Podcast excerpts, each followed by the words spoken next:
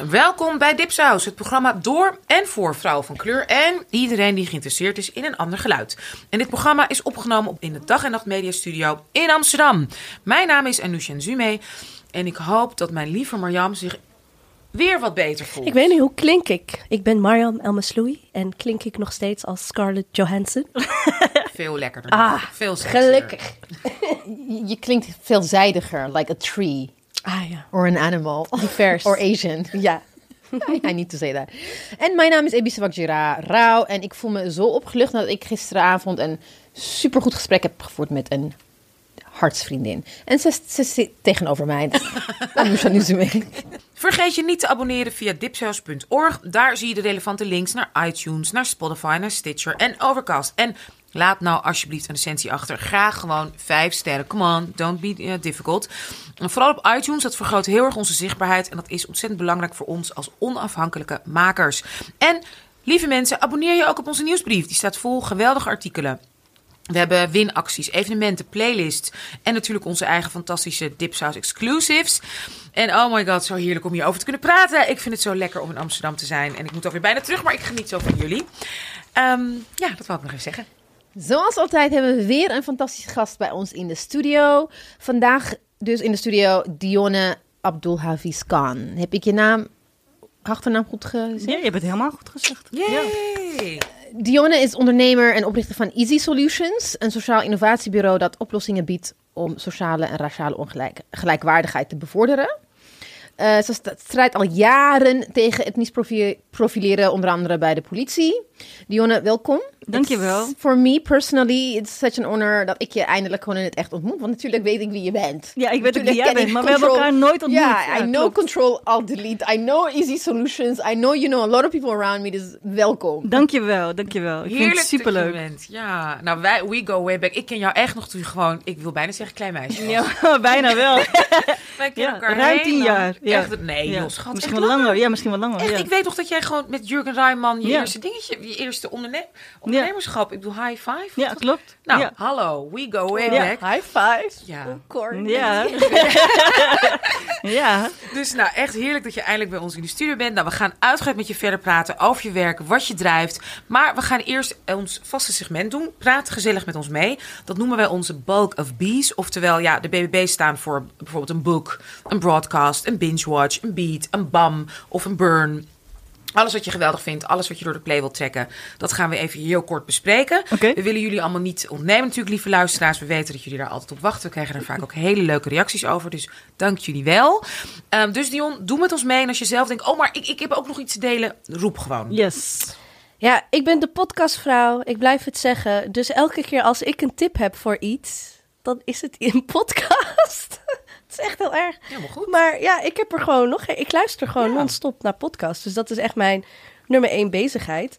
Het gaat wel ten koste van boeken lezen, maar dat ben ik weer aan het doen. Ik denk wel dat de meeste Code Switch wel kennen. Dat is een eh, podcast van NPR. Ehm, maar soms zitten daar interessante dingen niet, soms eh, in en soms niet. Zoals met sommige podcasts, behalve die van ons. En ehm, zij hadden een hele, hele interessante ehm, terugblikkende aflevering op wat zij deden als code switch. En het ging over de commentary comma. En wat dat is, de commentary comma gaat over wat ga je eigenlijk uitleggen voor je luisteraars of voor de mensen die ehm, aan het kijken zijn. Dus, ehm, en dat was ontzettend eh, interessant, want Code Switch wordt ehm, gepresenteerd door twee mensen van kleur. En eh, NPR is super wit, dus Code Switch was eigenlijk hun, zeg maar, eh, of color podcast, hè.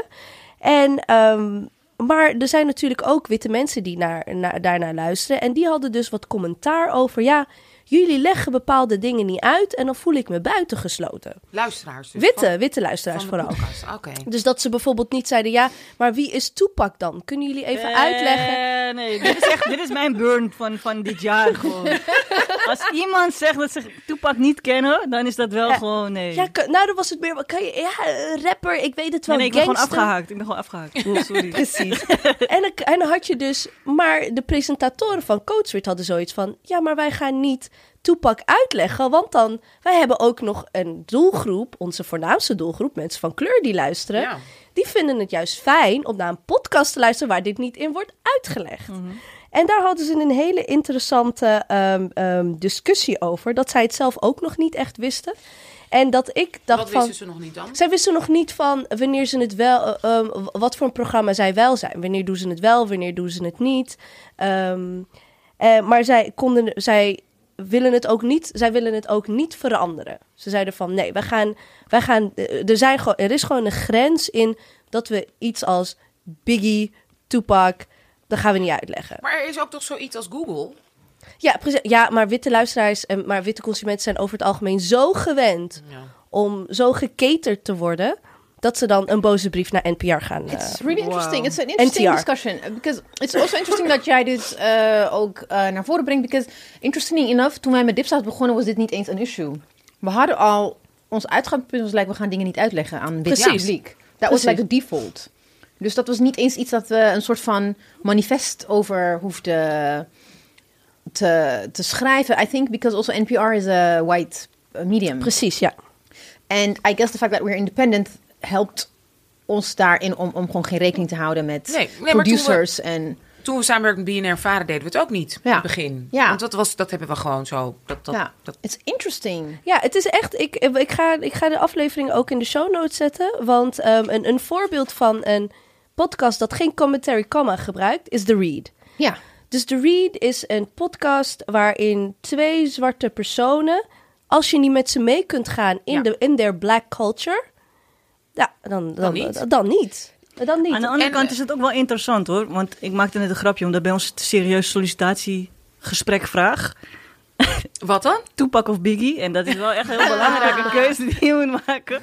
Uh, maar aan de andere kant, het is ook interessant juist om je platform te gebruiken om, om luisteraars te informeren. Dus je zou kunnen zeggen van, joh, wat interessant dat je hè, in dit geval Tupac niet kent. Maar hoe komt het dat jij die persoon dan niet kent? En wat heb je daar aan gedaan om je er meer in te verdiepen? Want Ja. er zijn heel veel mensen in de samenleving die daar wel heel veel inspiratie uit halen. En voor wie die heel veel heeft betekend. In dit geval, hè? Ja. Dus je kan ook juist je platform gebruiken om mensen wel te informeren. Gewoon een slap te geven. Ja, eigenlijk Ik vind dit namelijk een hele beleefde manier van zeggen, what the fuck. Ja, precies. Hoe, wat heb jij eraan gedaan om Ja. Hierover te weten? Ja. Ik vind het eh, eh, lastig in de zin om, om ik, ik ben daar gewoon niet eens principieel, ja, principieel in. Ik denk niet dat je dat hoeft uit te leggen. Dat betekent dat eh, unless you know that you're, un- unless you're a podcast waarvan je weet van we gaan dingen uitleggen aan witte mensen. Als dat ook je doel is, dan oké. maar als dat niet je voornaamste doel is, eh, waarom zou je dat moeten doen? Because white people don't explain shit to us. Nou, maar het grappige... eh, Nou, They grappige assume that we know everything. Het, dus zij zijn, zich ook, zij zijn zich ook ontzettend bewust van dat het heel Am- Noord-Amerikaans is. Want ze zeiden van, ja, maar iets als Nollywood leggen we dan wel weer uit. Bollywood niet, want dat is dan wat groter en internationaler. Maar iets als eh, Nollywood besloten ze dan wel uit te leggen. Dus dat zijn, dat zijn de keuzes die zij hebben gemaakt, ook vanuit hun referentiekader, ja. als, als zeg maar US citizens. Dus dat is een hele... Dat is logisch. Dat is een Toch? hele. Ja, Ja. ik vind het logisch. Het, maar eh, tegelijkertijd kan je daar ook in dat zij ook bespreken van. Moeten wij hier gewoon een grens in trekken en zeggen van. Laat mensen, zoals Anousha zei, laat mensen maar gewoon googlen. Of gaan we daar keuzes in maken? En dat is iets waar zij elke aflevering nog over. eh, Heel interessant. Nadenken. Ik, wat ik juist zo geweldig vind aan podcasts, bijvoorbeeld ook zoals The Read, dat je kan het gewoon stopzetten en even opzoeken en verder luisteren. Weet je, het is niet zoals in de ether en het is weg, het vliegt weg voordat je het door hebt. Segmentjes van drie minuten. Dat, dat, ik vind het juist een verrijking. Ja, en ik moet zeggen, we, we leggen ook wel eens dingen uit, maar dan is het from a different point of view. We do explain soms. Ja, maar Jawel. niet. Maar soort- niet- Hebben, we- nee. nee, niet, Niet- niet, dat- niet Cardi dat- B of zo. nee. Dat, dat, dat doen we niet. Ja. De Bodega Boys doen dat dus ook niet, hè? Klopt. En, ja. en de Bodega Boys die zijn nu gewoon. Mariam, je zal het niet geloven, mainstream. Oh, echt? What I was Ja, Zijn ze in Amerika Ja, Ja, ze zitten bij Showtime, volgens mij Ja. op HBO, vergeet ik. Ze is wel ze Vice. Ze Ze zitten nu achter de betaalmuur, niet hun podcast, Maar maar, hun, hun ze hebben een tv-programma. En dat is Ja. gewoon precies zoals de podcast, Ja. dat je echt, ik begrijp drie kwart niet. Precies. Dus ze komen uit de Bronx en dat is weer Mm. een specifiek accent met weer specifieke referenties. En dat is zit gewoon op, zit volgens mij op Showtime. Klopt. Maar ik luister dus ook de read, waarin ik de helft van de tijd ook niet Nee. echt precies weet waar ze het over hebben. Maar het gaat er gewoon om dat ik twee unapologetic, queer, zwarte mensen hoor praten die volledig vrij zijn en echt, they don't give a rat's ass, weet Nee, je wel? nee, en dan hoef ik de inhoud daar niet eens voor te kennen en soms is het ook wel problematisch. Mhm. Maar uiteindelijk denk ik, Weet je, het is gewoon fijn om, om dit te hebben. Ja, het is, het is, I mean, it's also like the privilege of the, the dominant culture om, Precies, ja. eh, om niet alles uit te leggen, want het is zoals het is. En it's something that we, we, we zijn ook al vrij vroeg al geconditioneerd om onszelf uit te leggen. Dus het is also like, it's part of your decolonizing your mind, if we're using that word, om te zeggen van nee, ik leg mezelf niet uit. Tenminste, de basis cultural re- referentiekaders van African Americans. Waarom zou je dat, dat je Nollywood uitlegt aan Amerika, snap ik. If you're, als je zelf niet een Nigerian American bent. Maar if it was a Nigerian American podcast, die gaan niet Nollywood Precies, uitleggen, denk ik. Snap je? Dus da- daarin zie ik het maar inderdaad, waarom zou je, ja...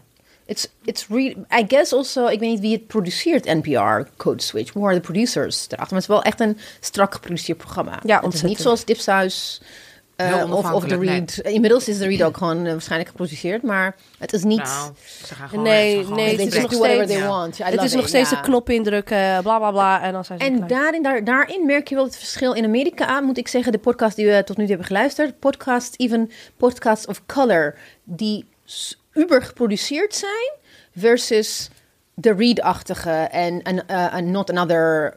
Nee? Another round? Another round. Je ziet het verschil in hoe ze eh, die, die perspectiefverschil zie je. Want het strak geproduceerde programma's, even bij hosts of color, hebben dat uitleg. Dat elke keer weer met bij de hand vastpakken en meenemen. Dat hebben ze. En meestal daar ha- ik haak gewoon af. Ik heb dat met die, eh, die New York Times podcast. ja, de I know. Uh, heet- represent. Of is het niet represent? Eh, je bedoelt met die Still twee... processing. Still processing. Ja, ik- Ja, ze ben daar- heel ik ben- uitleggerig. Ik ben, ik echt afgehaakt. Want ik Ja. luister en ik denk van, dit is niet... Ja. En dat zeggen ze ook in die aflevering bij Code Switch. Ja. Dat ik als, als vrouw van kleur aan het luisteren ben. En dat ik denk zo van, dit is niet van mij gemaakt. Want alles, die hele uitleg, dit weet ik allemaal al. Laten we de diepte ingaan, weet je wel. En Code Switch heeft nu wel een beetje be- be- besloten om dit pad op te gaan. Ondanks alle, zeg maar, kritiek van de witte luisteraars. Ik weet ook dat ze leden zijn kwijtgeraakt daardoor. Van, eh, van de NPR. Maar bij still processing ben ik echt Maar, afgehaakt. ze, maar ze bedienen New York Times publiek. Ja, De, de liberal... Maar het is ook een New York Times podcast. Daarom, Dus het is vervelend ja. voor ze. Maar Ja. het is inderdaad een. New York Times podcast. En die leggen sowieso alles al erg uit. Want ook de Daily, die doen ook net alsof iemand nog nooit, mensen nog nooit van Europa of zo hebben gehoord. Elke keer weer gaan ze de NATO uitleggen. Of de VN uitleggen. Of de hoofdstad van Denemarken. Dat is, dat is gewoon heel. Amerikaans. En- en ze weten, mijn kinderen, die zitten daar nu dus twee, anderhalf jaar op school. Dus je krijgt nauwelijks internationale, zoals, niet eens aardrijkskunde hè? Wow. Hebben ze gewoon niet. Amerika is heel provinciaal. Nee, dat hoort dan bij science. En dan heb je het gewoon over bergen en over inderdaad. Dus dus ze leren op zich die kinderen, godzijdank wel, wanneer regen valt, hoe dat werkt. Maar niet zoals wij, weet je, topografie of zo. Ze doen geen topografie dat je heel Europa moet leren kennen en hoofdsteden of de rivieren of zo. Nee, echt totaal niet.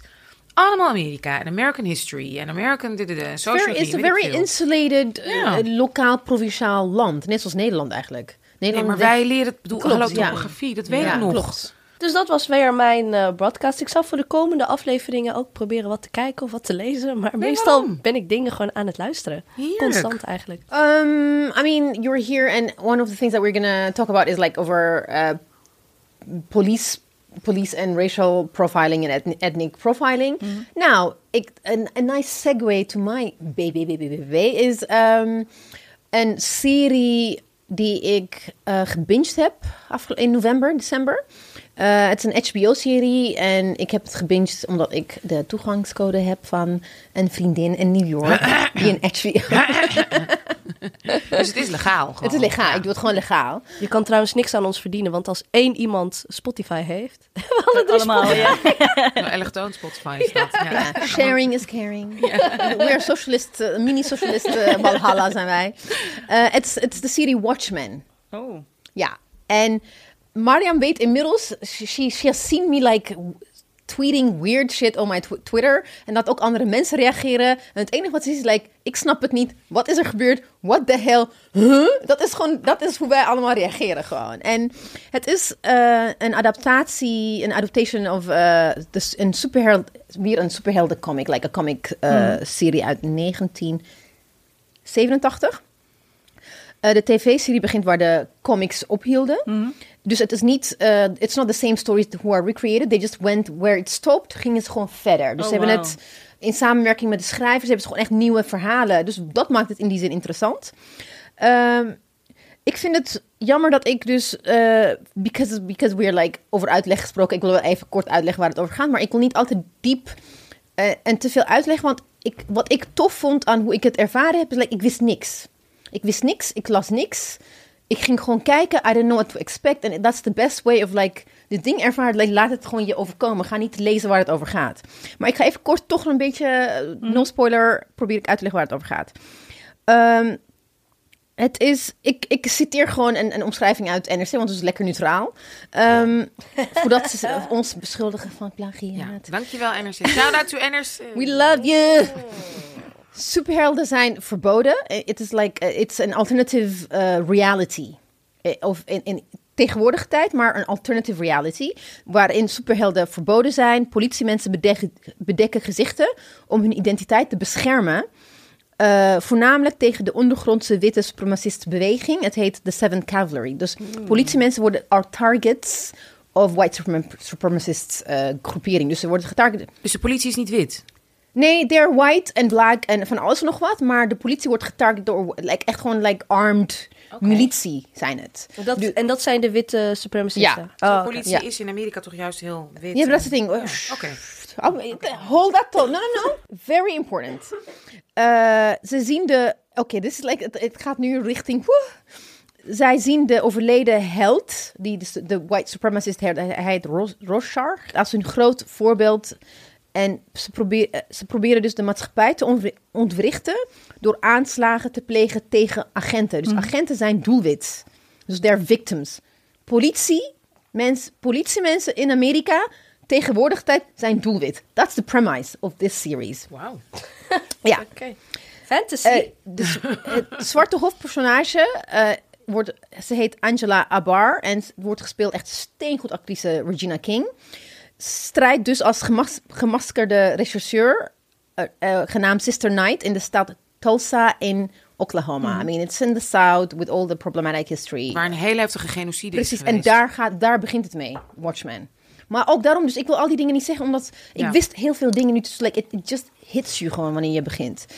I, I'm enjoying, it's steengoed, it's HBO, like, at, you, sometimes moet they, echt kijken gewoon. they really, Oké, they really produce things. It's like, als je gewoon even, your, if you um, switch of your, like, uh, je laat je mee, meenemen in dat fantasiewereld.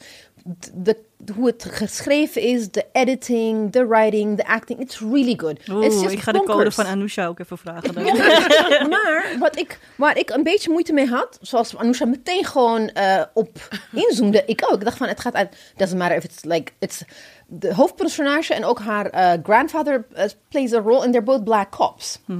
And they're victims. I'm like, Ja. dus ik had echt zoiets van, the only thing I had, my problem with this is that uh, they're cap tegenwoordig, there are a lot of producers and TV uh, companies pro- capitalizing on the Black Lives Matter movement. Ja, ja.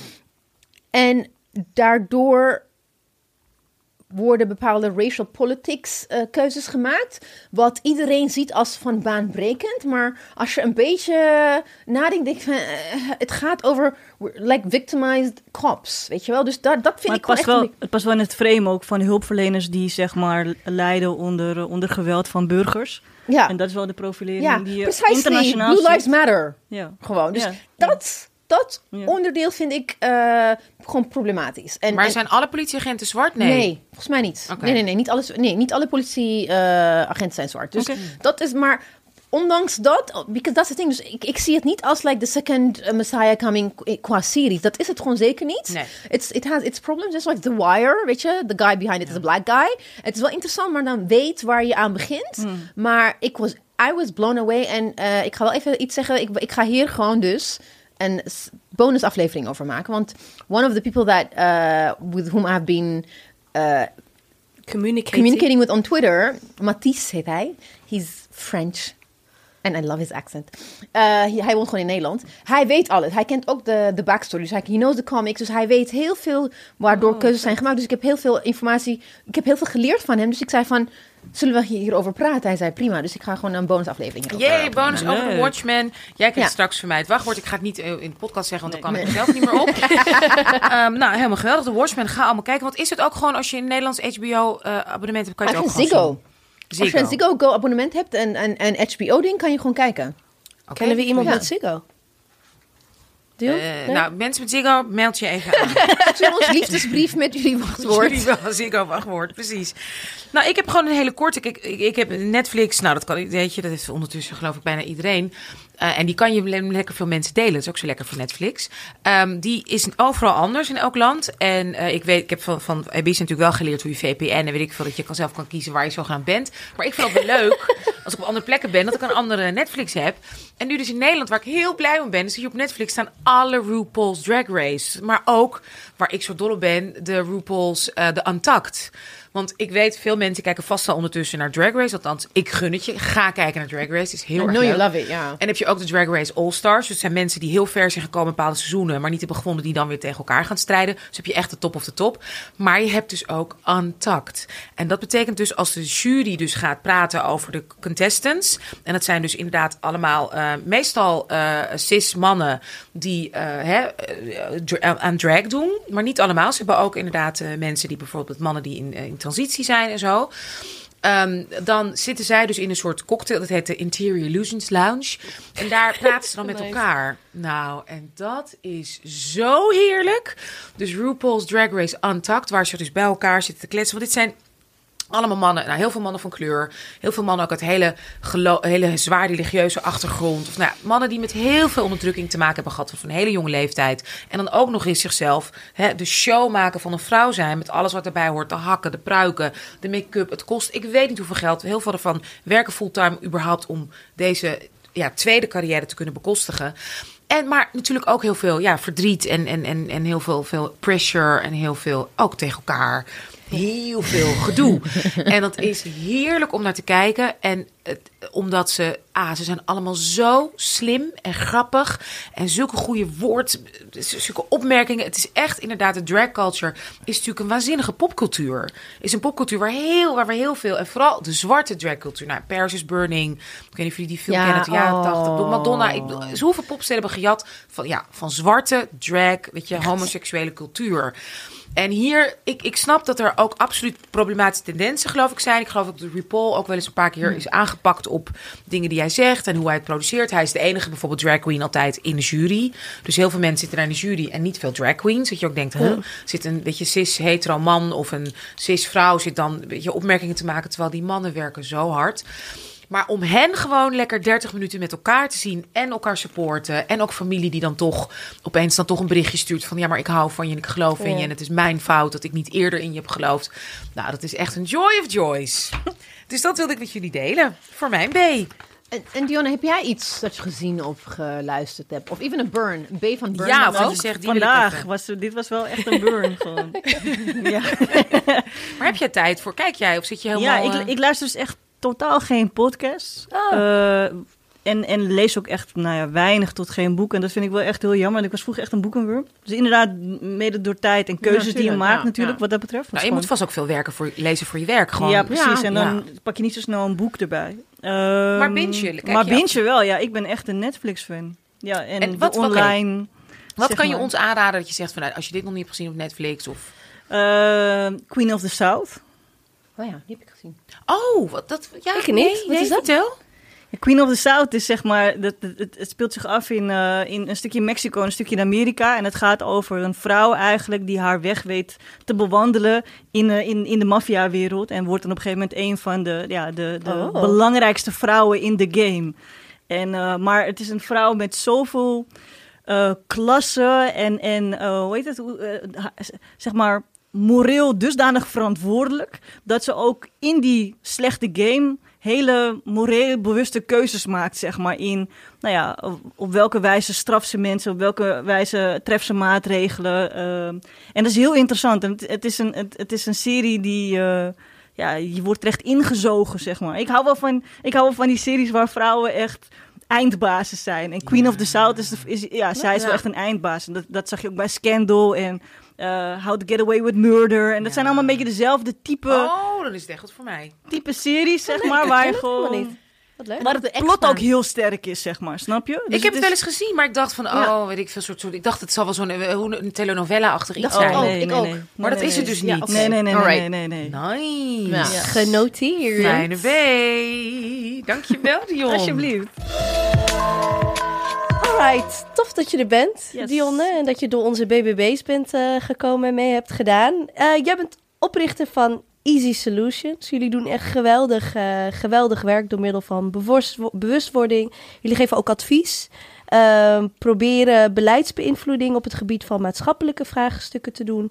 Diversiteit, community building, noem het maar op. Daar is waar. Dat zijn echt de thema's waarin Easy gespecialiseerd is. Ehm, maar voordat we gaan beginnen, vragen we al onze gasten om in hun eigen woorden te zeggen: wie ben je, wat doe je en waar woont je huis? Jeetje. Oké, mijn huis woont tegenwoordig in Amsterdam. Eh, en ik zeg tegenwoordig omdat ik ben eh, geboren in, eh, in Rotterdam. Hm. En eigenlijk, nou ja, mijn hele leven een beetje heen en weer gepingeld tussen Rotterdam en, en Amsterdam en Amsterdam en omgeving. Eh, maar nu sinds vier jaar woon ik weer in, eh, in Amsterdam. Mijn naam is dus Dion Farah Abdul Hafizkan. En, eh, en mijn collega's zeggen altijd dat hij mijn tweede naam, F, begint met een F. Dat hij niet voor Farah staat, maar eh, voor freestyler. en ik denk dat dat ook wel echt een, eh ja, een, een karaktereigenschap van mij is. Ik, ik, ik freestyle eigenlijk altijd wel heel makkelijk overal doorheen. In gesprekken, tijdens bijeenkomsten en, en in het leven met moeilijke situaties. Ehm, ik heb een, eh een Française een moeder, mijn moeder uit eh, Parijs. En mijn vader is Surinaams. Eh, en die is weer gemixt. Dus mijn oma is een zwarte vrouw uit Trinidad. En mijn opa, zijn familie kwam uit het voormalig Persisch gebied. En daar komt dus mijn achternaam vandaan. Ik ben opgegroeid in een, ja, in een hele vrije, vrije, warm huishouden. Eh, enerzijds eh, met een beetje katholieke invloeden vanuit, eh, vanuit de Franse kant.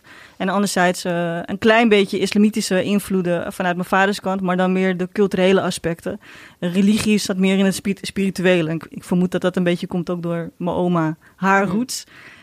Dus heel, heel vrij, vrij, vrij ruimdenkend opgevoed wat dat betreft. Ik zei En het al. heel veel culturele invloed. Ja. Ja, zo. heel Waar- veel. Ja. Ja, En ik heb er, ja, iedereen vraagt het van, is dat niet ingewikkeld? Maar ik denk dat dat mij heel erg heeft geholpen in, in het bewandelen van, van mijn weg. En ook, ja, gewoon, zeg grounded zijn in, in de Mm. Nederlandse samenleving. Ik ben, ben zoveel verschillende omgevingen gewend, waardoor ik me ook eigenlijk overal wel thuis kan voelen, maar ook heel alleen. Snap je wat ik bedoel? Ja. Ja. Ja, Eh, nou, daar hebben we het ja. toevallig over gehad. Over die, die, eh, dat je je heel erg eenzaam kan voelen. Omdat, ja, hoeveel zijn er nou die half Cameroens, half Russisch en Joods en Ja. West-Afrikaans en wonen in Amsterdam en dan naar New York? It's interesting. Just when, when- toen jij dat zei, ik- het viel me wel op, maar Suriname is een hartstikke gemengd. Klopt. Dat is het ding. Dus voor, voor, if you have like that Surinamese background, dat like having all kinds of cultural invloeden in- binnen familie is normaal. In Surin- misschien is het lastiger als je hier bent, maar in Suriname is dat people live with and next to each other. Ja. Dus dat is wel een interessant.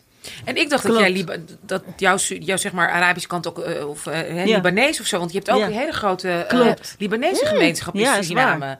Maar dat is dan weer, sorry, wat zijn Irak? Ik ben niet, eh, nee, Persisch. Persisch. Persisch. Ja, en echt het, echt het puntje. Dus zeg maar wat, wat Iran, Afghanistan Ja. nu zou zijn. Ja. Want hoe is zijn, weet je een beetje hoe, dat, hoe die dan in Suriname? Want het, Ja, ja, zeker. Ze- De, ze zei, eh, er, wordt gezegd dat de vader van mijn opa... dat hij eh, geronseld is om eh, als handelaar eh, in, naar Noord-Amerika te gaan.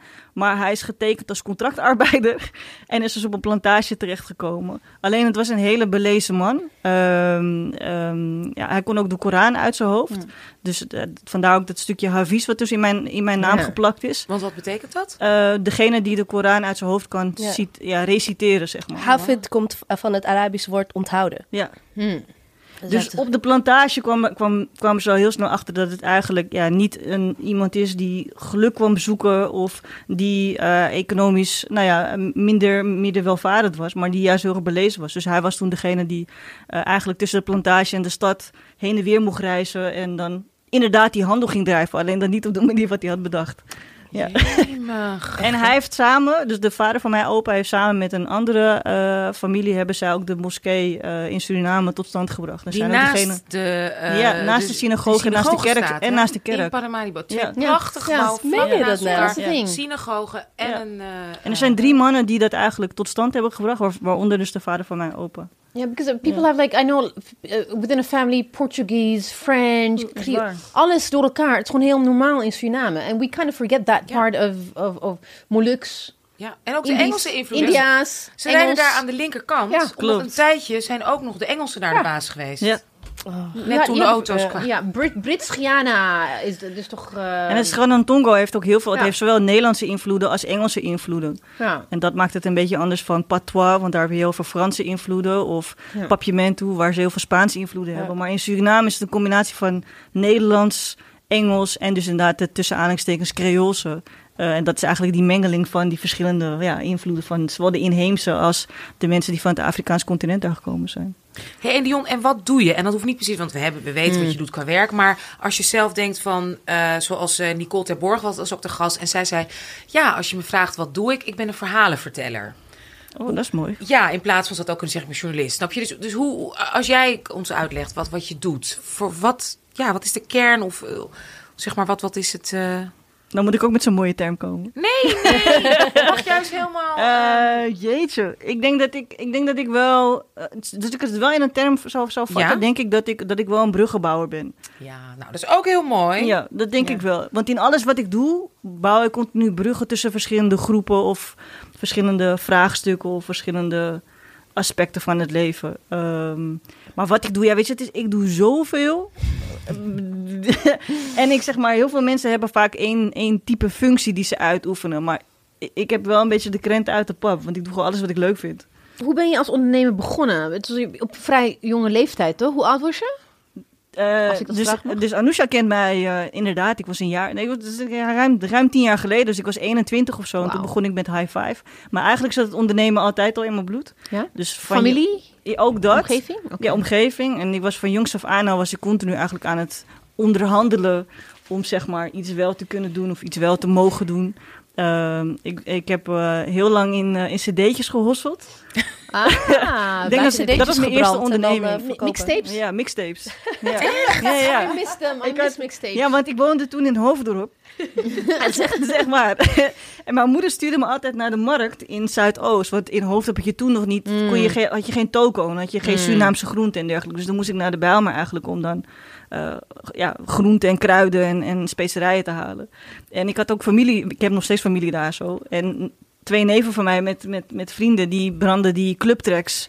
En, eh, en die andere, ik weet even niet hoe die heet. Ja, en- Sexy, eh, nou, Ja. iets, iets daarmee. En als je, dan, als je van het challenge naar buiten kwam, kan je gewoon die... die Ja, ja, dus, die- ik, dus wat ik deed... vanuit de melkweg. En ik liep altijd met mijn sporttas, want ik heb vroeger, ik heb vroeger heel veel gesport. En ik liep altijd met een sporttas. En, eh, en dan was gewoon een deel van die sporttas was gevuld met van die cd'tjes. En die verkocht ik dan. En dat was gewoon... En waar dan in Hoofddorp? In Gewoon Hoofddorp, Waar inderdaad ja. niemand iets te doen Ja, had. Dus En maar wel geïnteresseerd was in die hele urban Ja. lifestyle. En luisterde naar R&B en hip-hop en dancehall. die dat Nee. voor je cureert. Ja, dat had je toen niet, zeg maar. Dus je, had, je moest echt op de radio, moest je zeg maar een cassettebandje doen. Moest je record play- eh, Ja, drukken. ja, en je moest, ja. hè, Team F in de box, moest je een videoband, moest je, Ja. moest je recorden. Of je had inderdaad die mixtapes. En ik was dus een van die gelukkigen die die mixtapes tot mijn beschikking had. En daardoor dus geld kon verdienen. Hoeveel dat was er zo'n cd'tje? Ja, zat er wel vroeg in. Ik was al heel jong. Hoeveel is een cd'tje dan, vroeger? 10 gulden. Een donnie, ja, 10 gulden. Dat was best veel geld toen. Dat was toen, ja, 10 maar ja, mensen hadden er wel voor over. Meestal als je Wow. iets, een baantje zat, verdiende je 5 gulden per Ja. uur. Dus dan was een tientje was veel. En hoeveel kon je er dan verkopen? Pff, ik heb er echt, ik heb er echt heel veel verkocht. Maar in een week. Hoeveel zou je dan verdienen in een week? Ik zou het niet, ja, nou, Je veel. snapt het niet, hè? Nee, ik, het was Je echt, snapt het dit gewoon was niet. echt een Maar ja, hosselaar. Het was echt concept, een nee, maar hossel. het concept van een cd snapt ze gewoon niet. Jawel, jawel. Ik, ik nam Hoe wel op. jij? Ik ben 29, dus ik nam Nee, het wel op. je dat- ja. Ja, ja, maar ik wist niet dat mensen... Dat, ik, va- vast wel, maar voor 10 gulden... ja, ik had, Oh, echt wel, yes. ik had echt wel 150, 200 gulden per week hoor. Dat was echt, Dat is eh, echt lekker. Ik, had, ik was echt wel... eh, ik had echt wel mensen doen na afloop van een feestje, dan buiten wachten ze op je. Als je naar buiten, je krijgt een flyer of je kan gewoon een... ehm, En dat hielp ook dat je dat had. Want daardoor kon je ook, zeg maar, werd je bevriend met beveiliging van die clubs. Mm. En daardoor kwam je op de gastenlijst. Waardoor je ook, zeg maar, niet geld hoefde uit te geven voor. Dus ja, je had best wel veel geld in die tijd. Ja, dat ondernemerschap. hè. als Mooie- je dat mooie maar snapt, tijd. als je dat jong snapt, dat is wel echt eh, geweldig. Hey, iemand die jou ook in je jeugd ontzettend heeft geïnspireerd, is ook belangrijk, vind ik ook mooi om daar even gewoon een slok op te drinken en een shout-out aan te geven. Ja, je noemde hem altijd eh, je oompje. Je oompie, daar heb je, weet je vast of ik het heb, is uh, Perez Jonglooi. Ja, klopt. Dus laten we daar heel eventjes Yes. aan denken. Dat was toch wel echt een activist van het eerste uur. ja. Ja. Nope, sorry. Vertel even hoe, ja, cheers op eh PS. Ehm, ja, lokale radio ook, nou ja, en ook eh, zoveel, en, eh, op, en eh, de, wat, wat, wat heeft hij voor jou betekend? Ik ken hem nog als buurtwerker uit Hoofddorp. Hij was jongerenwerker. Ehm, dat weten heel veel mensen niet. Sowieso, wat ik, wat ik heel leuk vind, wat ik leuk vind van Perez is dat heel veel mensen dachten dat het, die gekkie, dat het een gekkie was. Dat was hij natuurlijk ook wel een beetje. Uh, maar hij had gewoon sociale academie gestudeerd. Dat was Ja, gewoon een ik- geschoolde, ja, ik zag- intellectuele man. En ik denk dat hij, dat hij daarin wel altijd in is miskend. Ja, en voetballer ook. Hij is heel succesvol geweest, heeft- ook in de sport. Ja, hij heeft, eh, iedereen die hem kent, daar heeft hij dat ook eh, eh, meervoudig aan verteld. Oh. dat hij een hele goede voetballer was. Ja, en eh, ja, ik, ken hem dus, ik, ik heb hem ooit leren kennen. Dus ik was heel jong, als, eh als jongerenwerker in Hoofddorp. En door de jaren heen, door de werkzaamheden die, die ik ging verrichten en de activiteiten... eh, kwam ik steeds meer met hem in contact ook als, eh, ja, als gewoon echt een, een klankbord, een bondgenoot. Hm. En ehm, ik denk dat de oude generatie, hè, Surinamers of Curaçaonaren of eh Cameroenezen, zeg je dat zo? Weet je, ik weet het Cameroenen? niet. Ik vind Cameroenees heel erg Ja. lelijk. Ik zeg zelf het liever dan Cameroens. Cameroens. Terwijl volgens mij is het officieel Cameroenees, maar ik vind het vreselijk. Ja. Cameroen. wat jij wil. Ik denk Ja. dat heel veel van de oudere generatie, cultureel diverse achtergronden, ehm, eh, dat, daar, dat daar onvoldoende mee gesproken wordt. En ik vind dat heel erg Mm. interessant. Dat was ik als klein Mm. kind al. Ik ben super nieuwsgierig en ik stelde altijd vragen en ik ben echt geïnteresseerd ook. En dat was ook wel echt mijn band met hem. Ik stelde gewoon heel veel vragen en hij hield heel veel van vertellen. Eh, ik heb hem heel, ehm, ja, heel, echt een heel speciaal plekje in mijn hart eh, wat dat betreft. Ja. nou, we denken aan hem. En Yes. dat is heel belangrijk Jullie hebben ook een hele. Je hebt ook toen eh, op 11 december had, eh, 2019 hadden jullie met Control Alt Delete ook een avond. eh, ehm, ja, hoe zou je. Hoe, hoe- ja, ik, ik noemde het een soort van bewustwordingavond. Die, en het was jullie zevende volgens mij in mijn hoofd. Ja, het was 10 december. Oh, het is tien. Ja. Ja, nee, maar niet uit. Maar het was 10, 10 december, Internationale Dag voor de Mensenrechten. Ehm, en dat was inderdaad het, eh, het jaarlijkse bijeenkomst van Control Alt Delete. Hmm. Control Alt Delete is een initiatief van Easy Solutions, waarmee we ons inzetten tegen etnisch profileren en eh, buitenproportioneel politiegeweld. ja. En Ehm. toen hadden jullie besloten die avond zo. eh, Ja, Met, want even, one of the oh. things that we forgot to mention is dat hij eh, onlangs is overleden. Je Ja. begon erover omdat we de avond uiteindelijk aan hem hadden opgedragen. Ja. Dus heel veel mensen die toen nog niet ervan op de hoogte waren of eigenlijk niet Ja. wisten wat voor speciale ja, rol hij eigenlijk had, dat heb ik op die manier proberen eh, Ja. te tonen. en gelukkig ook heel veel mensen nog ook op, eh, op, op social media. En, eh, Ja. Ja, ja, en Ja. Zijn, de community afscheid was ook super vol. En, ja. Maar, eh, maar het is goed om te mentionen, denk ik, dat ik, zat, ik zat in twee, eh, drie WhatsApp-groepen. Die, er waren heel veel jongeren die hem ook gewoon kenden. They knew who he was. Which, and also on social media, it was nice to know that it was not just a certain generation, maar het was intergenerational, dat iedereen wist wie hij was. En dat is wel echt, dat geeft wel gewoon hoop. ja, zeker. Ja. En even om naar die avond te gaan op eh, 10 december. Ehm, daar hadden jullie. Ja, het was, het was voor mij de eerste keer dat ik bij zo'n event van eh Control Alt Delete. Ik had er wel heel veel van gehoord. Ik ken jullie werk natuurlijk, omdat eh, jullie ook naar de raad komen wanneer het gaat over. naar de Haagse Raad als het gaat over politiegeweld. Toen was je ook komen inspreken. Eh eh Jair, een collega van je, die is ook een aantal keren gekomen naar Den Haag. om in te spreken en zo informatie te verschaffen en een beetje te hopen wat wijsheid in te praten bij die, bij die, raad, bij die raadsleden. Maar in, op die avond ehm, liep ik binnen en toen dacht ik, oh, is wel een beetje veel politie. Ja, ja dat klopt. En ja, om te zeggen, ja, en, en als je daar. Ik had dat op een, op een of andere manier had ik dat niet verwacht. Mhm. Ehm, en toen dacht ik, en toen keek ik ook al een beetje naar wie op het podium zou komen. En toen dacht ik ook al van, oh, wat veel, wat veel podium en wat veel spreektijd voor, voor politieagenten. Maar natuurlijk was ik, was ik bijna vergeten dat jij gewoon daar de host was. Mhm. En dus de confrontatie ging opzoeken. En ook heel strategisch mensen uit het publiek. Die mochten op een knop drukken als er zeg maar eh, bullshit werd genoemd. Ja, wat goed. Drukte ze een knop in en ging die zo... "Woe, woe, Is the sound of the police? Ja. Kan je... Weet je, dus alle, al mijn... Want ik kwam daar met aannames, Heerlijk. hè. Want uh, oh, ze wat puur... eh, nou, wat ja. nou, weet je. En ik kwam daar binnen en ik dacht zo van, hallo. Maar die balans, niet eens balans... De juiste kritische toon vond jij perfect. En hoe doe je dat? Hoe bereid je je daarop voor? Ehm, kijk, dit heeft een beetje een voorgeschiedenis. Want dit Vertel, vertel. want want eh, het was dus de zevende jaarlijkse bijeenkomst. Ik bedoel, vanuit Control Alt Delete organiseren we het hele jaar door bijeenkomsten. Maar het jaarlijkse bijeenkomst richten we ons echt op de nationale politie. En die is ook echt bedoeld om beleid te kunnen beïnvloeden. Ehm, en niet elk jaar is het even soepel gegaan. Eh, tenminste, niet in de ogen van aanwezige politieagenten. Zo moet je het eigenlijk zien. En ehm, het ging eigenlijk vier jaar lang is het echt super gegaan. En het vijfde jaar eh, liep het een beetje mis. En dat, was dat ook alweer? Volgens mij was ik daarbij. Was dat in Amsterdam? ja, dat, daar was jij bij. Ja, ja, klopt, daar was jij bij. Dit is Het was, zo het was, zeg maar, het was, Het het was een was, van de sprekers zelf het of was, ja, het een- was, had het een was, functie, ja. het was code, code rood vanwege rood. weersomstandigheden. Dus het was echt, we hadden dus de avond code blue genoemd, code blauw genoemd. Eh, maar door die slechte weersomstandigheden was, zeg maar, het programma staat helemaal goed in elkaar. Alleen de persoon vanuit het ministerie van Justitie en Veiligheid, die was, ja, die, die, die was door de weersomstandigheden was hij verhinderd geraakt. Hij kon Karma. gewoon niet meer, hij kon niet meer komen, waardoor die hele opbouw van de avond eigenlijk, ja, In de soep. in de soep liep, ja. Eh, en, en, dat- en dat gebeurde ook echt. Maar ik moet zeggen, dat lag ook echt aan de politie. Want eh, we hadden van tevoren... oh, want je, je vroeg me, hoe bereid je je voor om daar antwoord op te geven? We bedenken een thema voor, voor dat jaar.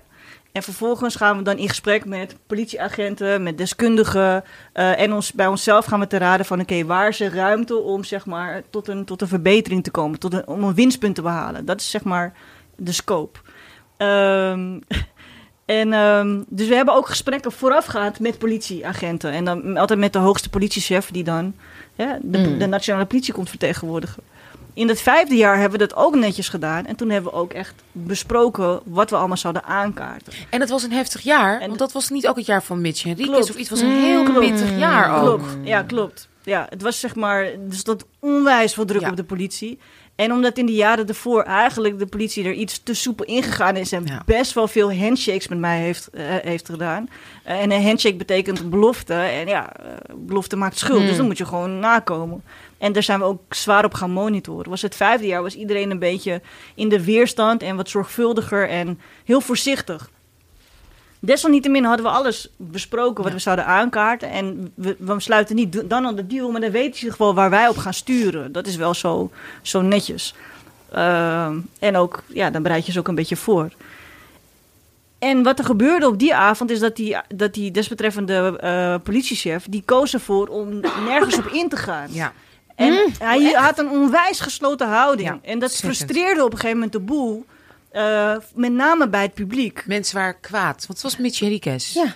Dus hè, het was... Mensen waren echt kwaad. En zij zaten zo in functie star en daar, eh, dat eh, is Super monotoon een praten. vraag die ik op dit moment ga kiezen te negeren of zoiets. Weet je, zo van die soort, weet ik wel, ambtenaartaal.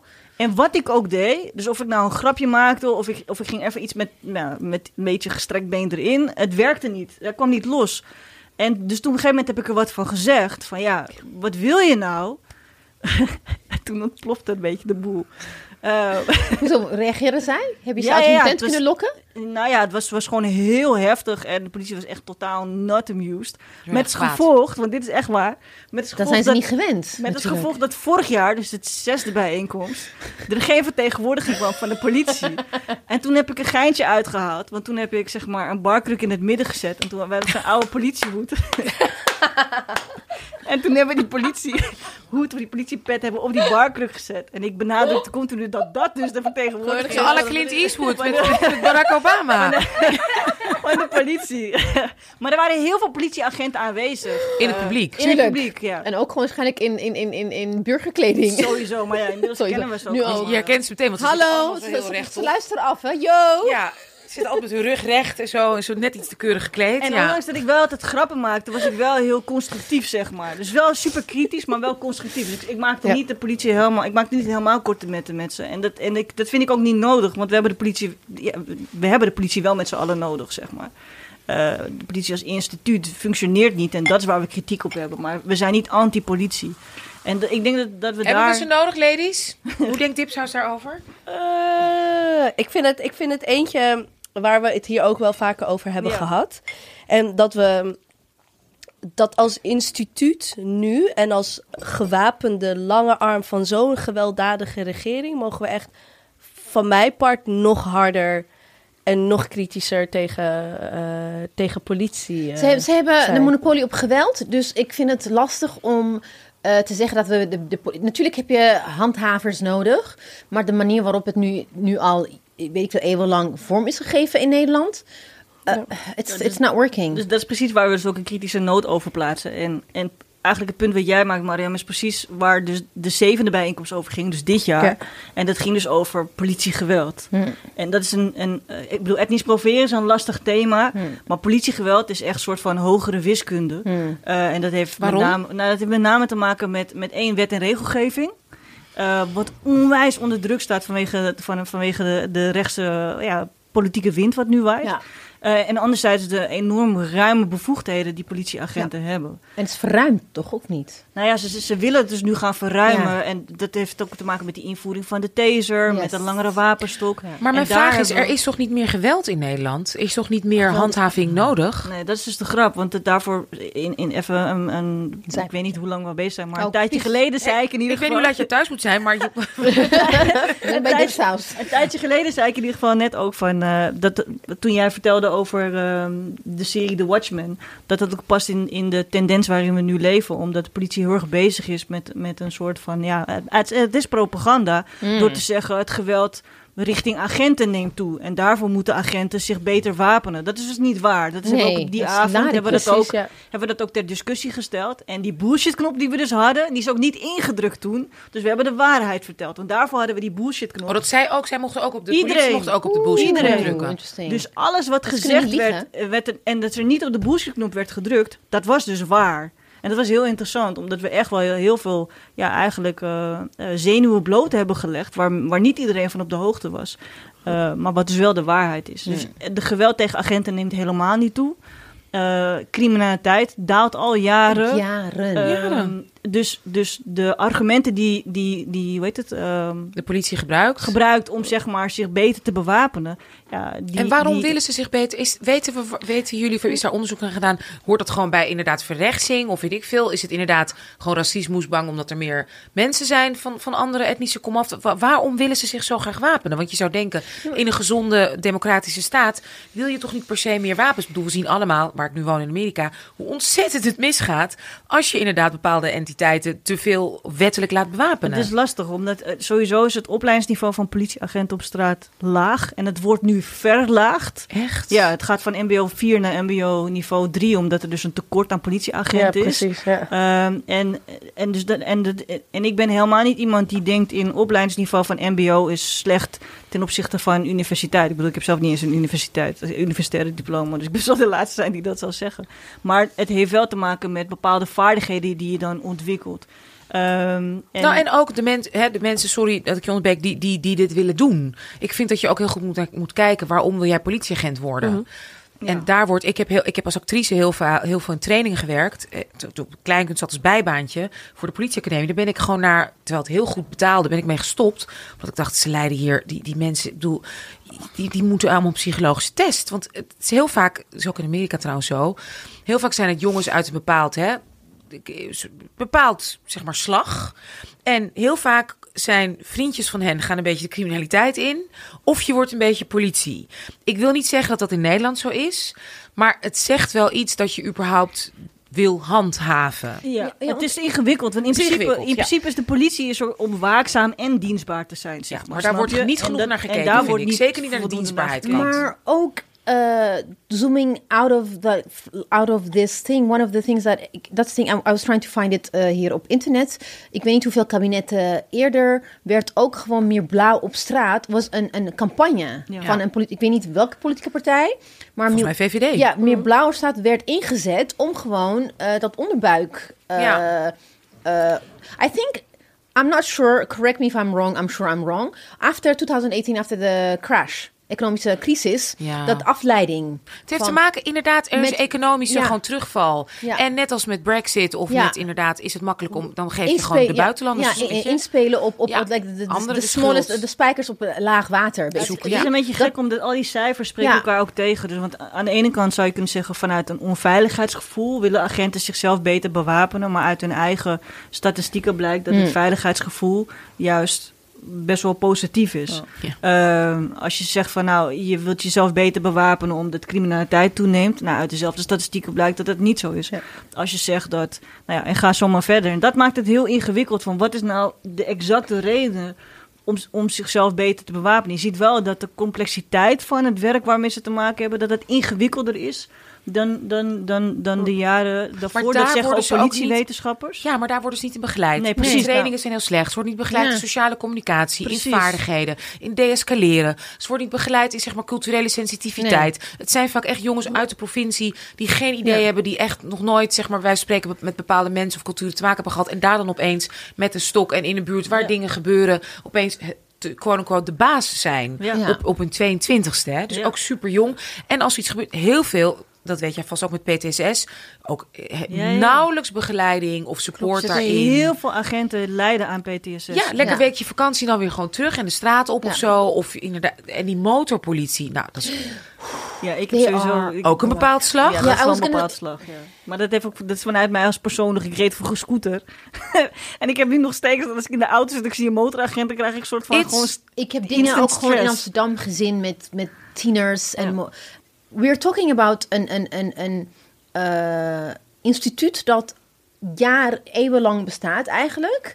I don't know how, hoe de ontstaansgeschiedenis van politie in Nederland weet ik maar. Ik weet wel dat, dat in Amerika police, the, it's, the history of police is directly related to racism en Ja, slavernij. Terug, weggelopen tot slaafgemaakt Ja, terughalen. precies, dat is, dat is de geschiedenis van en, de politie. En, en in, in, Nederland, eh, in Nederland het feit dat het, terwijl het wel- welvarender worden en, en criminaliteit daalt, tenminste petty criminality, hè, petty crime. I'm not talking about eh, geld verduisteren, legaal of illegaal. Hè? ja, nee, dat gaat alleen maar Precies. omhoog, ja. En eh, de fact dat de, de staat die eh, geweldsmonopolie heeft, terwijl we zeggen dat het beter gaat met de wereld, vooruitgang en civilization, dat ze juist richting gaan van we moeten ons beter bewapenen, meer juist regressie in, in vooruitgang. Het is heel, het is heel lastig om, zeg maar, daar vanuit controle zijn ook echt bezig met die beleidsbeïnvloeding. Omdat, wat ik al zei, en die statistieken spreken zichzelf allemaal tegen. En de argumenten die gebruikt worden, die zijn gewoon niet voldoende onderbouwd. En dat maakt het, be- het, ma- het is best wel- het is echt een hele Ja. ingewikkelde materie. Je ziet ook dat bijvoorbeeld, er liggen nog 17.000 of 16 of 17.000 eh, onopgeloste zaken liggen op bureaus van agenten. Gewoon Mhm. onopgelost. Eh, eh, maar in, in, in dezelfde adem zijn ze wel bezig met allerlei proactieve controles. Dat is waar wij ons heel erg tegen verzetten.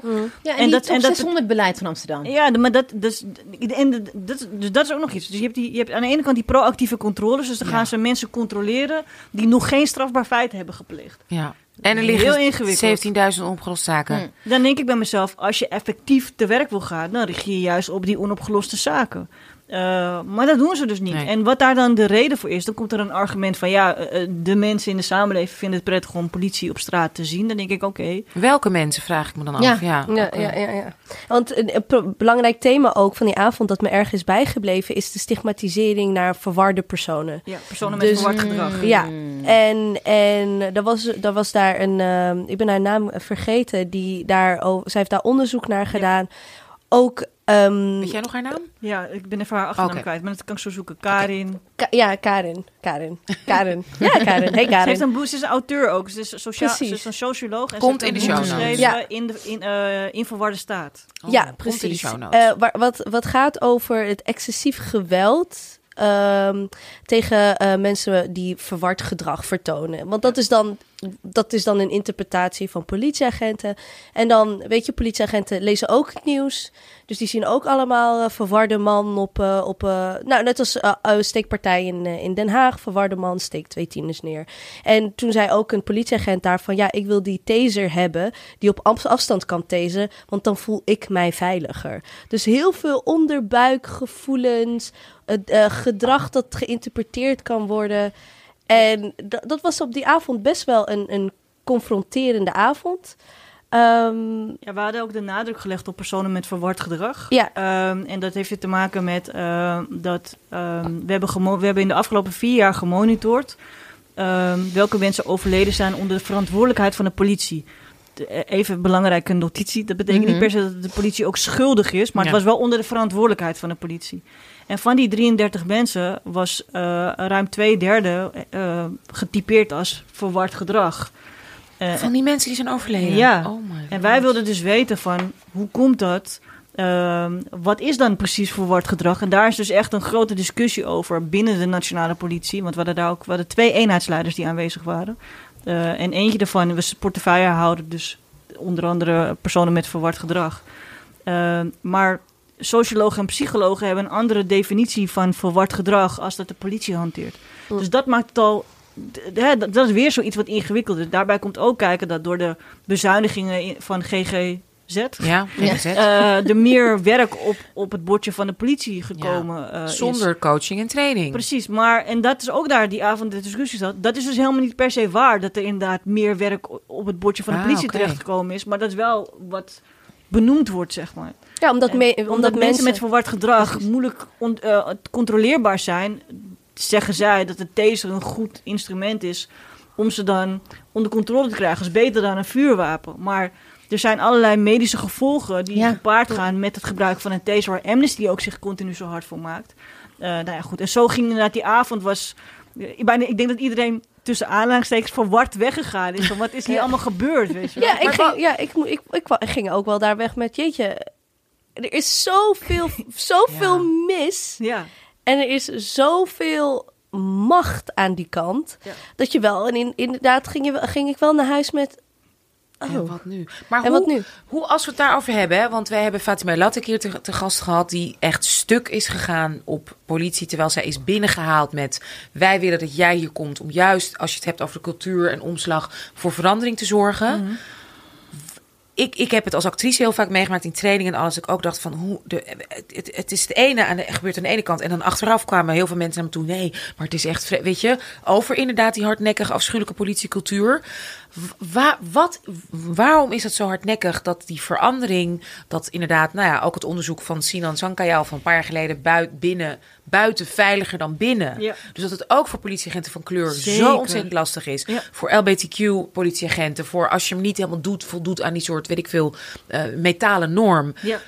Wat, na al die jaren dat je mee bezig bent en nu kijken naar de toekomst, hoe kan dat? Wat, wat, wat is dat? Ehm, het, heeft, het heeft wel meerdere oorzaken. Dus sowieso is het een macho-cultuur. Ehm, en daar, en daar, ja, daar gaat bepaald gedrag mee gepaard. Dus dat is sowieso iets. Ehm, het, is een, het, het is een organisatie wat heel veel verandering eh, mee heeft gemaakt. Een, eh, een eh, centralisatie, een decentralisatie, een centralisatie. Verschillende regio's die samengevoegd zijn, waar ook nog regionale cultuurverschillen zijn, waar gewoon onvoldoende op gestuurd is. Eh, en, en het is eigenlijk een goede vraag Bezuinigingen ook? bezuinigingen die plaats hebben gevonden. Wat eigenlijk uit de statistieken ook niet helemaal klopt. Maar dat is weer, dat is echt hogere wiskunde. Ehm, en en het is, het is echt, eigenlijk is het een bedrijfskundig vraagstuk waar de politie mee kampt. Wat via verschillende manieren benaderd wordt, maar, maar geen enkel is de juiste. En dat is, dat is lastig. Eh, de korpschef, dat zou de kapitein op het schip moeten zijn, eh, maar die heeft weinig draagvlak. Eh, dan heb je nog de organisaties dusdanig hiërarchisch ingesteld dat je ook ziet dat eigenlijk politie, politieagenten op straat nou, volledig autonoom te werk kunnen gaan. Vooral in Den Haag, wordt- geloof ik. Nee, het is, echt door heel Nederland. Het heeft niet, niet alleen in Den Haag. Het is echt door heel Nederland. Dus er is weinig toezicht op het, op het functioneren van agenten op straat zelf. Er is al ruim vier, vijf jaar hebben er geen functioneringsgesprekken plaatsgevonden. er wordt onvoldoende dossier opgebouwd dat, dat wanneer er dus een misstand plaatsvindt. Eh, vanuit het ambtenarenrecht er onvoldoende eh, gehandeld kan worden om agenten echt te ontslaan. Want ja, dat dossier is niet aangemaakt. Eh, dus er- ik, ik kan wel honderd voorbeelden noemen waarom het nu zo lastig is. En, maar wat en iedereen is... wijst naar elkaar. Dus bijvoorbeeld, in principe is het ministerie is, is eindverantwoordelijk voor de nationale politie. Maar dat gaat over de middelen van de organisatie. De, de spullen, De zeg maar. De, weet ik veel, de- kantoren. spullen wapens, nieuwe, zeg nieuwe busjes bestellen. Ja. Elk wapens? Ja, Ja, Ja, oké. ja.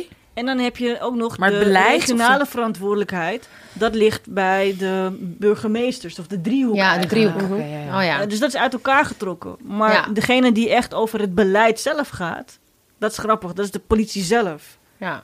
Daar gaat helemaal niemand WC en over. adviseert WC en Ja, nou, dat was letterlijk wat ik ingesproken heb in de raad. Ja, ja, Ja, dat letterlijk. Ja. heb. Ja. Ja. But that's the thing, it's just like in the army, like als er misstanden zijn in de army, there's an army court die het allemaal, het, het gaat Ja. buiten, Ja. het- zij controleren zichzelf. Er is geen onafhankelijk body that controleert Nee. them. En de ministerie of de OM is usually aan de kant van... eh, Nee, maar ik geloof maar- driekwart van het OM bestaat uit ex-politie. Ja, nee, maar sterker nog, wij hebben een van de dingen waar we op stuurden, sorry dat Ja. ik onderbrak, Nee, was, was namelijk, eh, er moet een onafhankelijk, eh, er moet een ombudsman komen voor de politieagenten die zeg maar... ehm, eh, Fout, de fout. Nee, die negatieve ervaringen hebben. Ah, Want dat is ook echt een probleem. Ja, Dus grensoverschrijdend gedrag, Ja, racisme, grapjes. discriminatie, whatever. ja. Die Seksisme. ombudsman die is er nu. Wij, zijn, we waren helemaal blij, want de ombudsman is nu komt het. Maar die ombudsman, dus dat geloof je echt niet. Oh, is jawel. oud politiechef Ja, tuurlijk. Zeeland. Tuurlijk. En zij was burgemeester. Like, Ja.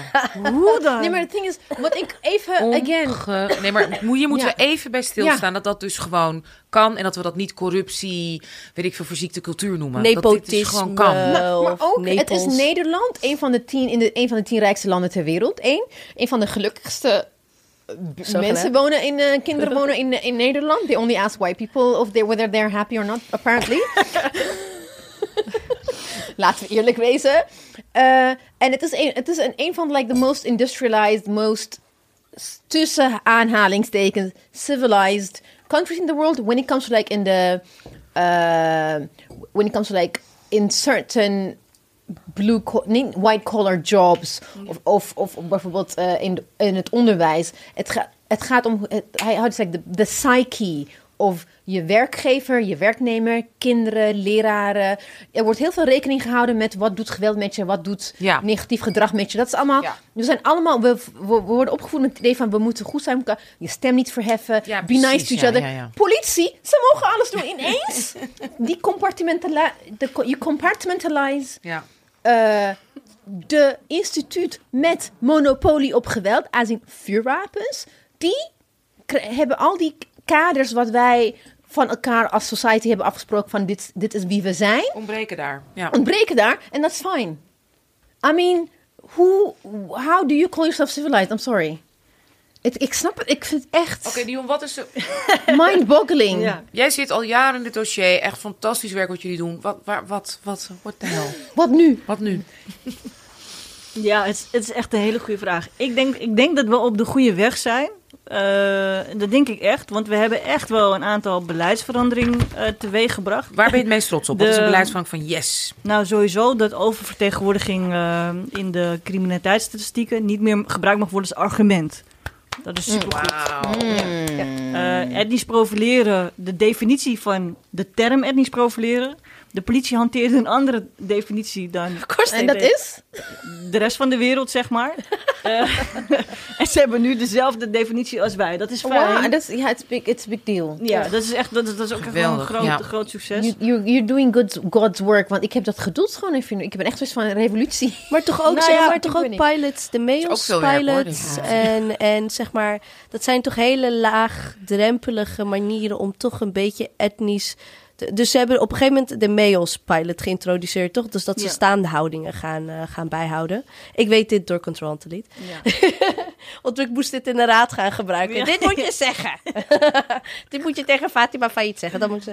En daar, de, de, jullie zijn toch nu wel bezig met dat er, wat meten is weten, dat Ja. er wel, want er wordt niet gemeten hè, in, Nee, in Nederland. nee. Er wordt niet op etniciteit, staande houdingen of wat dan ook. Dus dan bestaat etnisch profileren ook niet. Nou ja, wij stellen dat trouwens ter discussie. De, de politie zegt dat ze dat niet weten, maar dat, dat geloven wij niet.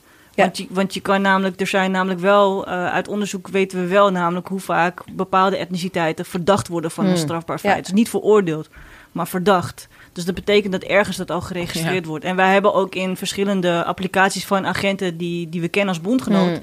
eh, kunnen we ook zien dat wanneer welke informatie allemaal in hun scherm terechtkomt, wanneer ze iemand staande houden. Mm. Eh, en daarvan kunnen ze, wanneer ze jou staande houden, kunnen ze als ze op een knopje verder drukken, echt een plusje, en dan, of een minnetje bedoel ik, en dan rolt het zo Oh uit. my god, wat zien kunnen ze ze dan? zien waar je vader en waar je moeder geboren zijn. Dus dat is al, dan zien ze al je etniciteit. Dat mag eigenlijk niet, hè? In Nederland mag je eigenlijk niet etnisch Nee, maar, registratie. dat, maar dat mag niet, etniciteit wordt dan niet geregistreerd, maar er ja. staat wel geboorteland Ja. van je vader of Ja. moeder. Ja, met alle respect. Dat is informatie. Dat is- Officieel is het informatie. verboden om eh, eh, etnisch... te- Ik, ik, weet, ik weet dit uit eh, medicine. Hmm. Dat je mag niet etni- etnisch registreren because of second world law. Because that's how they knew precies waar de Joden waren. Omdat het vroeger gewoon je, je afkomst geregistreerd werd. They knew where to find them. En sindsdien is het officieel wettelijk verboden. Ja. Maar natuurlijk via surveillance...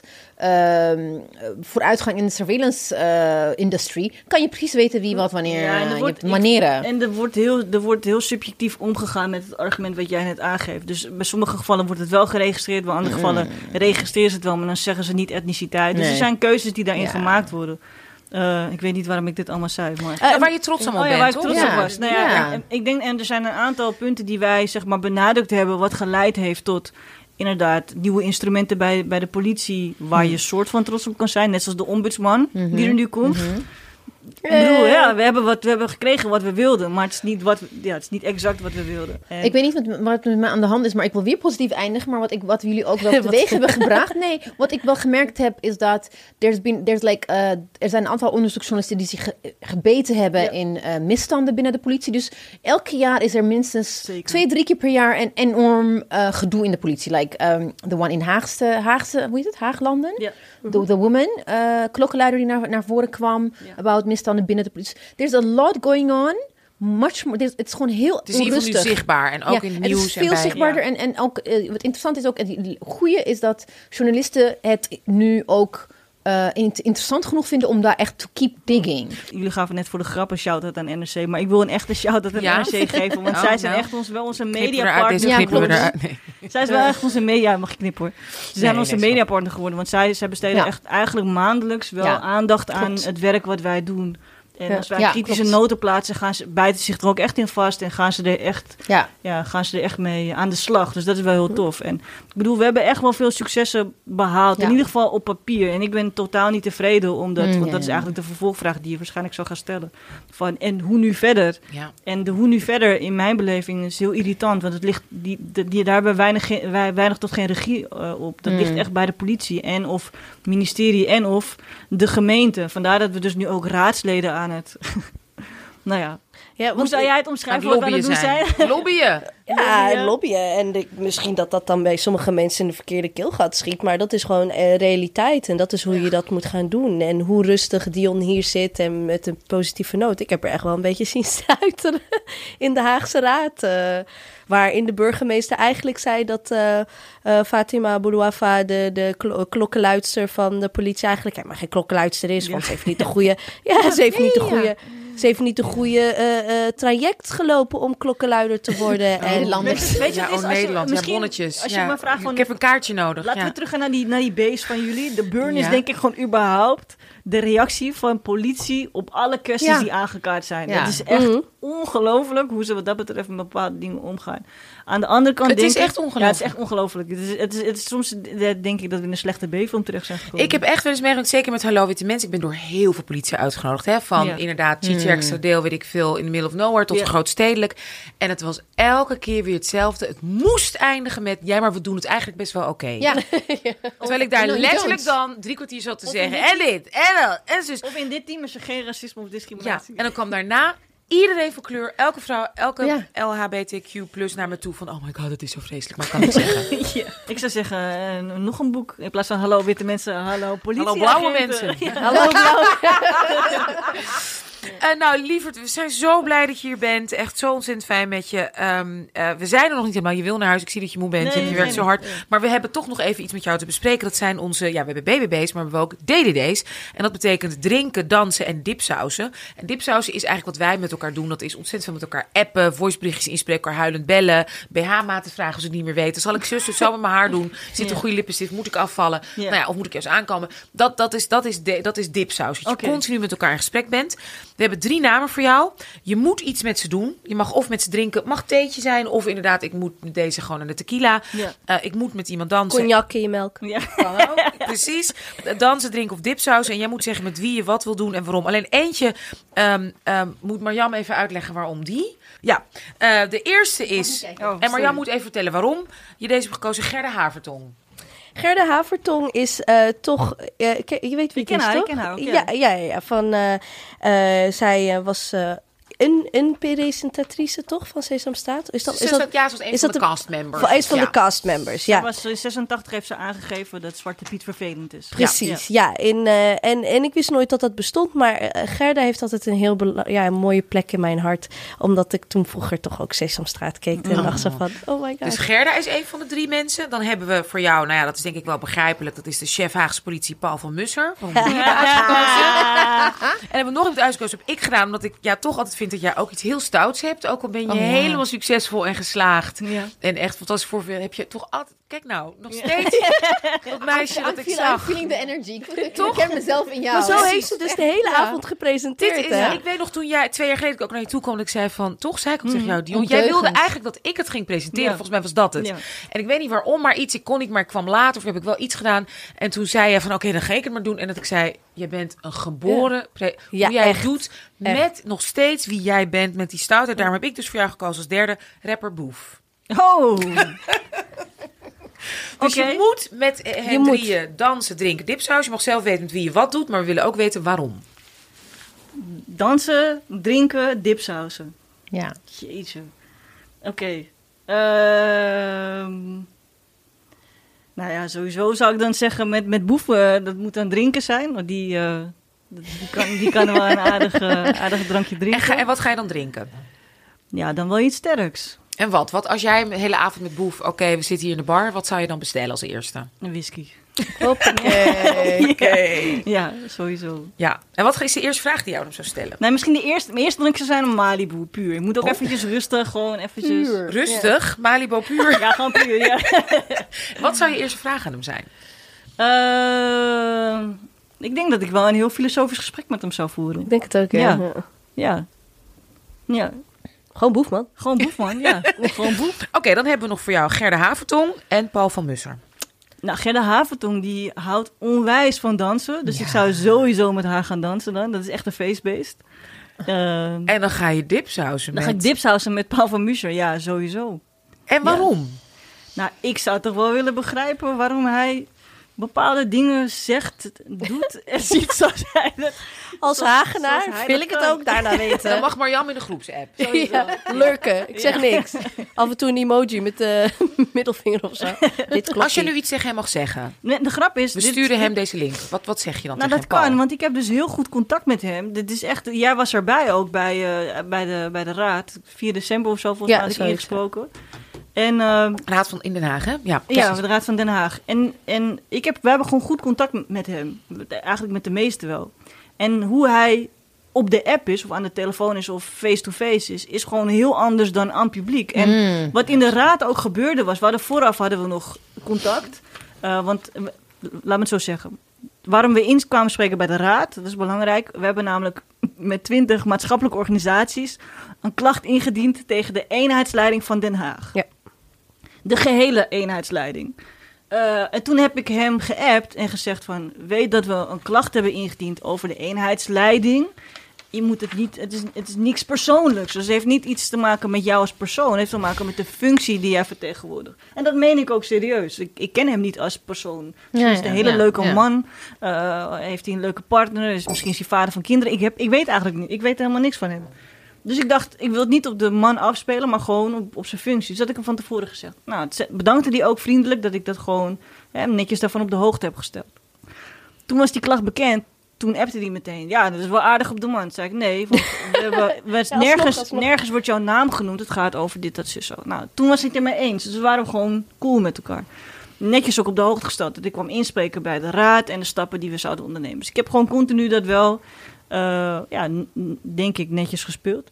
Toen kwam hij daar ook. Ik was notabene met mijn zoontje. Ehm, en ik zou eigenlijk alleen inspreken en weggaan. En hij kwam naar mij toe van, van de overkant van de raad naar de tribune toe om te zeggen... Dion, ik heb alles gehoord wat je zegt. Ik ga al je vragen en punten ga ik beantwoorden. Echt, dat beloof ik. Met als gevolg dat ik daar vanaf één uur gezeten Ja, ze heeft heb daar heel... Ja. tot zes uur. En Met mijn je zoontje kind? dus... Nee, ja, mijn, zo- mijn zoontje mocht dus niet naar binnen. Maar mijn zoontje dus met een hele goede vriendin van mij aan het wachten was in de, in de lobby. Van 1 tot 6. Van 1 tot 6, ja. Ja, ja, verschrikkelijk. Ehm, Er zijn natuurlijk PR-people overheen gegaan, hè? Er En om zes uur ik daar wegging. moeten er overheen. Geen één? geen Geen één één antwoord. Geen echt, niet eens eentje. Niks. Ja. Niks. Het zijn En heeft spindok... je geappt daarover? Ja, nee, zo... Nee, ik, heb, ik, heb, nee, ik was een beetje geïrriteerd. Ik, ik ben, zeg maar, ik ben wat dat betreft wel iemand die niet communiceert als hij geïrriteerd is. Dus onze vraag nu aan hem is, what the fuck? Dat, ja. Dat vraag ik Ja. dan. Zeg- Toch? Maar dat is een beetje van wat. En hij heeft, je ook niet, hij heeft jou niet zelf ook daarna benaderd met: hey, sorry of dit of dat. Nee, nee, gewoon nee, niks. Nee, maar het is gewoon, je hebt voorlichters. Je hebt voorlichters die antwoorden, be- be- die antwoorden verzinnen. En dat wordt gewoon met... Nee, maar hij heeft geen antwoord gegeven. Gewoon Ja, niks. Ook niet politiek gewenste antwoorden. Nou, het was gewoon één groot bla bla over Nee, eh, van eh, ja en eh, we hebben Gewoon dit projectje dat bedoel ik. en Met, dat dat, je met voorlichters gewoon eh, helemaal een hele verhaal houdt, maar je zegt eigenlijk niks. Dus da- daar heeft gewoon een team op gezeten van hoe kunnen we dit zo waterdicht mogelijk Nee, maar niks gewoon eens zeggen. liegen. Gewoon Ja, een ja, beetje. ja. Nou, wat ik Ja. zei, toch een beetje een tikje antisociaal, die mensen. Ja. Want ik heb ook vaak met de politieagenten contact gehad. En dan dat je echt denkt van. het was- Ze gewenste antwoorden via de Ja. app en leuk contact die op tijd bellen. Zijn Ja. ze heel goed in. Ja. Ah, het was, ik het daar wordt ze denk ik ook op getraind. Het was op de woensdag en op woensdag werk ik eigenlijk niet. Tenminste, ik werk wel, maar dan of thuis of ik neem mijn zoontje mee. Ik ga niet naar buiten, zeg Hmm. maar. Niet naar derde of... eh, en dat had ik dus nu wel gedaan, speciaal voor de, voor de Haagse Raad. Eh, en ik dacht, nou weet je, neem again. mee en dan gaan we daarna wel iets lekkers eten. Dat hebben we uiteindelijk ook gedaan. We zijn om zes uur gewoon met z'n allen Hmm. lekker gaan eten. Maar dat was wel een hele lange dag zo, ja. Dat is echt een lang. Ja, kijk, ja, het is gewoon mijn werk, dus ik ben het wel gewend. Maar ik dacht echt zo van. Ik zei dat nog ook tegen Jamil. Ik zei, hè, zijn ze allemaal zo lang daar geweest? En zijn ze er nog? Want ik was op een gegeven moment naar boven Ja, gegaan van. ja. Ik ga even kopietjes met wat anders doen.